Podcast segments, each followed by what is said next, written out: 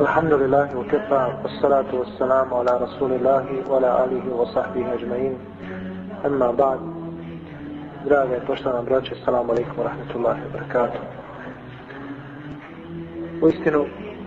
ummet Islama danas pati cjelokupan ummeta, ponajviše onih koji se dosjednije pridržavaju Allahove knjige i sunneta poslanika sallallahu alaihi wa sallam ponajviše onih koji se nazivaju ehli sunnetu od I uistinu te tegobe nisu nimalo lahke i one se pokazuju, reflektiraju u svim domenima našeg života. Zavisno od podneblja u kojem živimo, zavisno od okolnosti u kojima živimo, zavisno od političkih okolnosti, od države i tako dalje. Danas muslimani znači pati od nedostatka onih pravih autoriteta. Posebno u određenim podnebljima gdje je islam gotovo bio zamren. I zato imamo danas ovako velike razlike, diferencijacije između, između različitih podneblja na ovoj našoj planeti u pogledu znači samoga prakticiranja islama, prihvatanja islama od e, strane narodnih masa, razlika u autoritetima, odnosno u onim ljudima koji su dati da budu sliđeni u pogledu vjere. Kada pogledamo i kada sagledamo znači situaciju, ona nije nimalo zahvalna. Oni koji se razvijaju sredbenicima sunneta danas su veoma prepoznatljivi, posebno po svojoj formi. Ali u tom pogledu, kao što kaže jedan savremeni pisac, danas imamo dvije vrste ljudi. Oni su jednaki možda formu. Imamo one ljude koji su ponijeli islam, stavili na sebe teret. Međutim, jedva čekaju da ga zbaci kada dođe takvo iskušenje. A imamo one koji nose teret islamu i koji ne daju da se skine taj teret, sa tim teretom idu na pročelje i sa tim teretom pokušavaju ljudima da Dostavi ono što je došlo od poslanika alaihi salatu wasalam koji je prenosio od svoga gospodara Allah subhanahu wa ta'ala. Kada govorimo o tim moralnim vrlinama, zaista je potrebno dugo o tome da se govori. Naši učenjaci, ispravni prezadnici su pisali na te teme mnoge knjige. Možda je tu najpočakljiviji sam imam Ibn Kajim, rahimahullahu ta'ala, a i ostali imami. Poznata vam je knjiga Bolest 3 koja je kod nas prevedena. Poznate su mnoge knjige Ibn Kajima, rahimahullahu ta'ala, u kojima je pojasnio kako će čovjek doći do tog savršenstva morala, ako se to može nazvati savršenstvom u okviru ljudskih mogućnosti. I sam Imam Ibn Kajim, rahimahullahu ta'ala, je pokušao da tadašnjim ljudima i tadašnjim umovima, tadašnjim mentalitetima predstavi ono što je već predstavljeno u tim knjigama, a i mi danas vidimo zasluge toga čovjeka i svih drugih ljudi koji su se nesebično dali i sebe žrtvovali i svoj imetak na putu pojašnjenja Allahu subhanahu wa ta'ala vjeri. Ne možemo znači pojasniti večeras sve što želimo i sve što bi mogli jer je potrebno daleko više vremena. Večeras želimo da se fokusiramo na jednu temu, a to je tema koja se kod nas često preskače u pogledu moralne izgradnje svakoga pojedinca muslimana, a žitoga društva, a to je tema samo kritike, odnosno samo obračuna. Allah subhanahu wa ta'ala napominje tu samo kritiku kada kaže u svojim riječima Ja juha allazina amanu Allahe wa tanzur nefsum ma qaddamat ligad wa taqullaha inna Allaha khabirun bima ta'malun Ovi koji vjerujete Bojte se Allaha i neka svaka duša pogleda u ono što je pripremila za sutra. I Allah subhanahu wa ta'ala ponovno govori i bojte se Allaha jer će vas Allah obavijestiti onome što vi činite, odnosno što radite. Znači ovo je posticaj motivacija od Allaha subhanahu wa ta'ala da sami sebe obračunavamo. Kao što kaže Ibn Kesir rahimahullahu ta'ala u tefsiru ovoga ajeta. Kada kaže Allah subhanahu wa ta'ala neka svaka duša pogleda šta je pripremila za sutra, to jeste, kaže, hasibu anfusekum qabla tuhasabu, sami sebe obračunajte prije nego što budete dovedeni za obračun pred Allaha subhanahu wa ta'ala. Prije nego što se nad vama sprovede obračun. I pogledajte, kaže Ibn koliko imate dobrih dijela, jer ćete doći na svodnji dan. Vi ćete doći na ono što se naziva dan povratka i vi ćete biti izloženi pred vašega gospodara Allaha subhanahu wa ta'ala. Isto tako Allah subhanahu wa ta'ala spominje pročišćenje duše u smislu samokritike i samoobračuna. Kaže Allah subhanahu wa ta'ala u ajetu u suri Ešems Kad efleha men zekaha wa kad khaba men desaha Uistinu je uspio onaj koji očisti svoju dušu a propao je onaj koji zapravlja svoju dušu. Uspio je onaj koji očisti svoju dušu, a propao je onaj koji zaprlja svoju dušu. Kaže Imam Belavi, prenoseći od imama Rahasana hasana Al-Basrija, rahimahullahu ta'ala, uspio je onaj koji očisti svoju dušu, to jeste ko ispravi svoju dušu, koji pročisti, koji profilira i koji bude posticao i motivisao svoju dušu da ta duša bude pokorna Allah subhanahu wa ta'ala. Znači, postaj tvoj, tvoja unutrašnja želja, tvoja unutrašnja motivacija da budeš pokoran Allah subhanahu wa ta'ala. A propao je onaj koji upropasti svoju dušu, ko se prepusti svojim šehretima, svojim strastima i onda to bude razlogom da on sam propadne, pa možda i one koji su oko njega odvuče u propast. Naravno, mnoštvo je tekstova poslanika i alejhi koji nas potiču da pročišćavamo sebe i svoju dušu. Jer ako ne budemo sebe čistili, ako ne budemo gradili svoje moralne vrline, naravno da ni naša djela neće biti ispravna.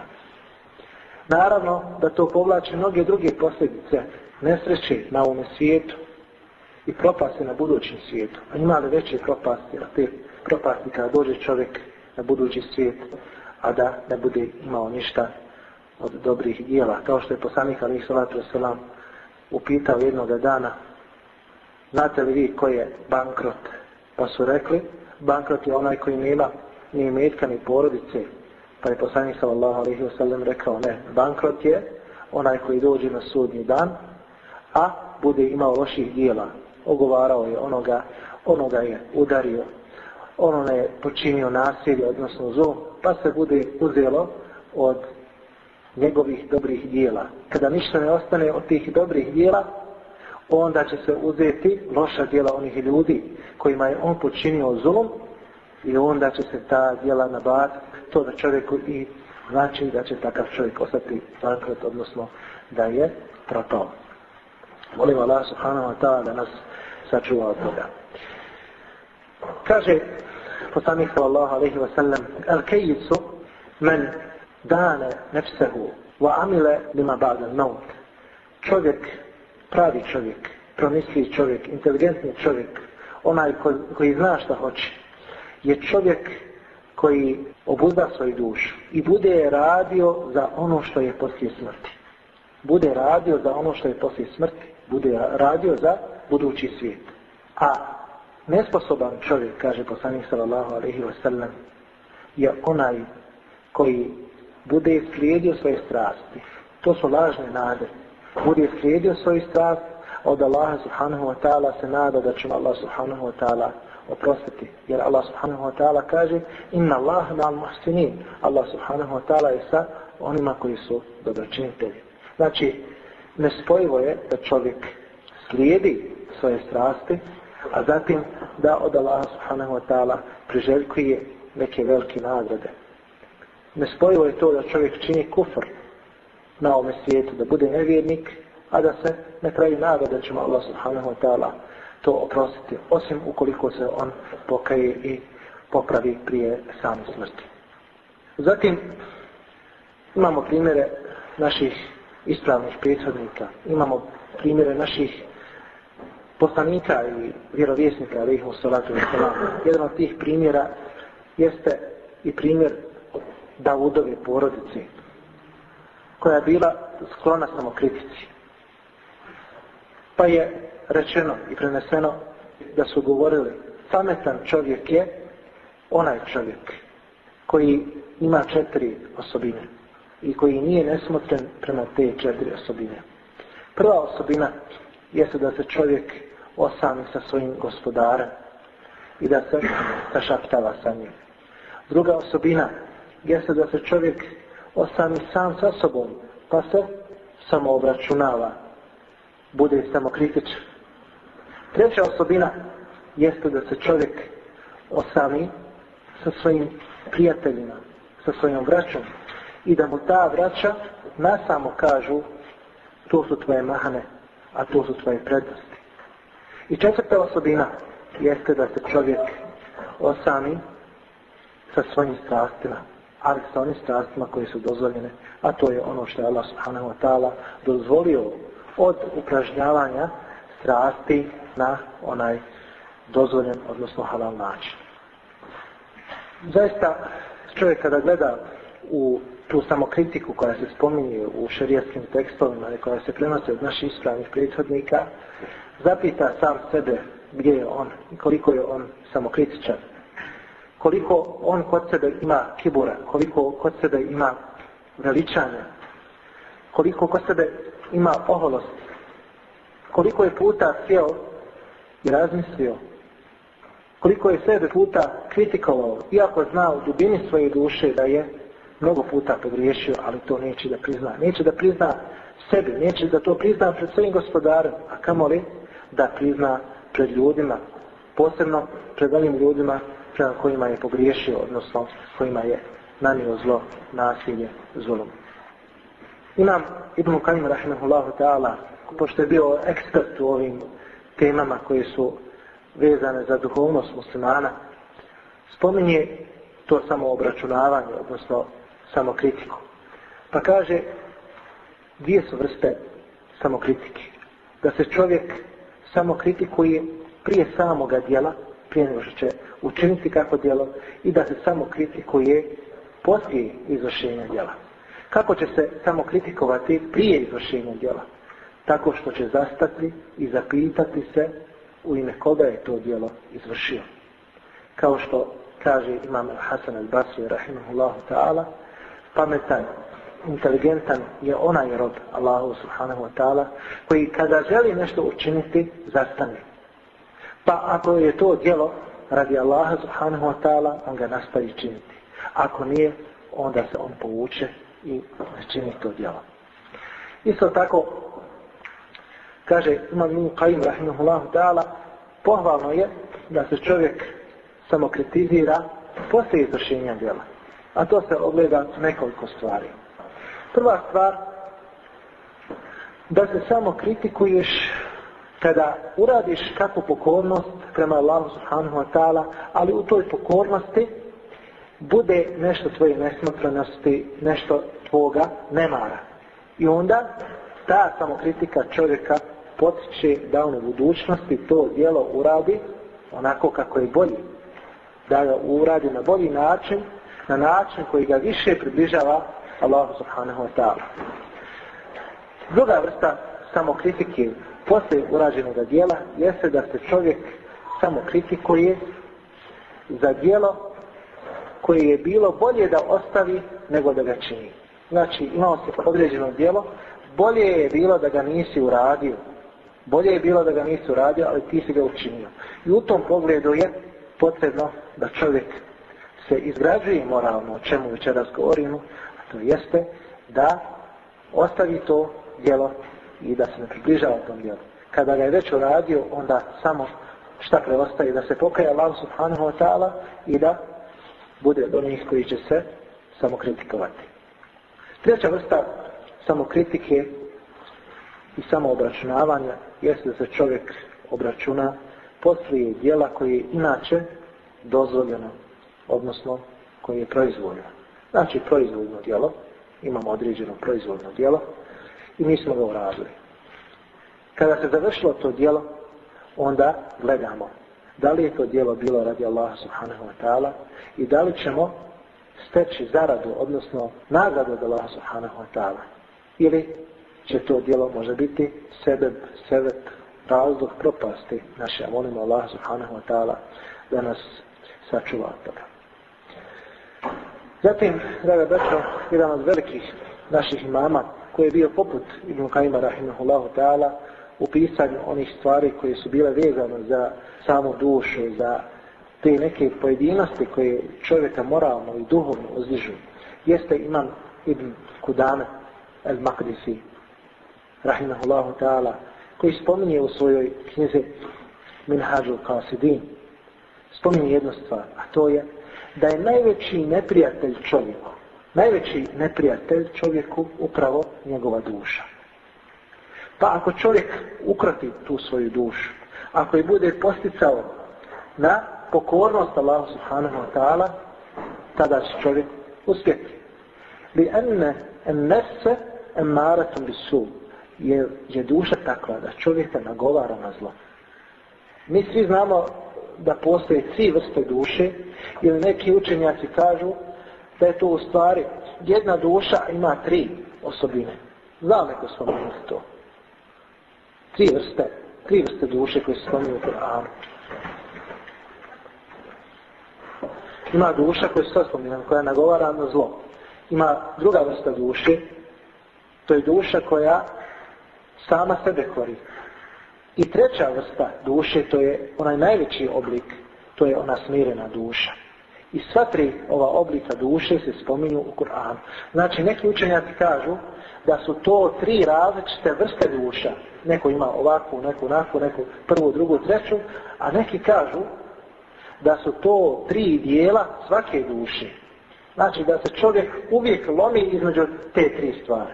Između samokritike, između nagovaranja na zlo i između te smirenosti koju Allah subhanahu wa ta'ala spominje također a to je ta smirena duša koja će ući u džennet i koja je spomenuta u Kur'anu.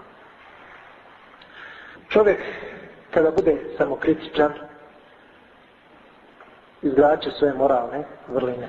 I upravo u smislu toga je i samokritika, ona je jedan vid sredstva putem kojih se dolazi do određenog cilja. Poslanik sallallahu alaihi wa prema tome je imao najveće moralne osobine. Inneke la ala hulukin azim. Ti si u istinu Muhammede najvećih moralnih osobina, najveći moral imaš, najveće duhovne vrijednosti imaš. Zašto? Zato što je poslanik sallallahu alaihi wa sallam bio pravedan prema samome sebi, bio je pravedan prema svojom gospodaru, bio je pravedan prema svojoj okolini. Ako čovjek bude samokritičan, to će donijeti određene rezultate. Ti rezultati su neminovni. Čovjek mora doći do tih rezultata ukoliko je iskren u toj samokritici i samoobraćunu. Prvi rezultat jeste da će čovjek sagledati svoje mane. Znači, kada si samo kritičan, sagledat ćeš svoje mane svoje nedostatke. Kažu učenjaci svoje nedostatke ne može sagledati osim onaj koji je samokritičan.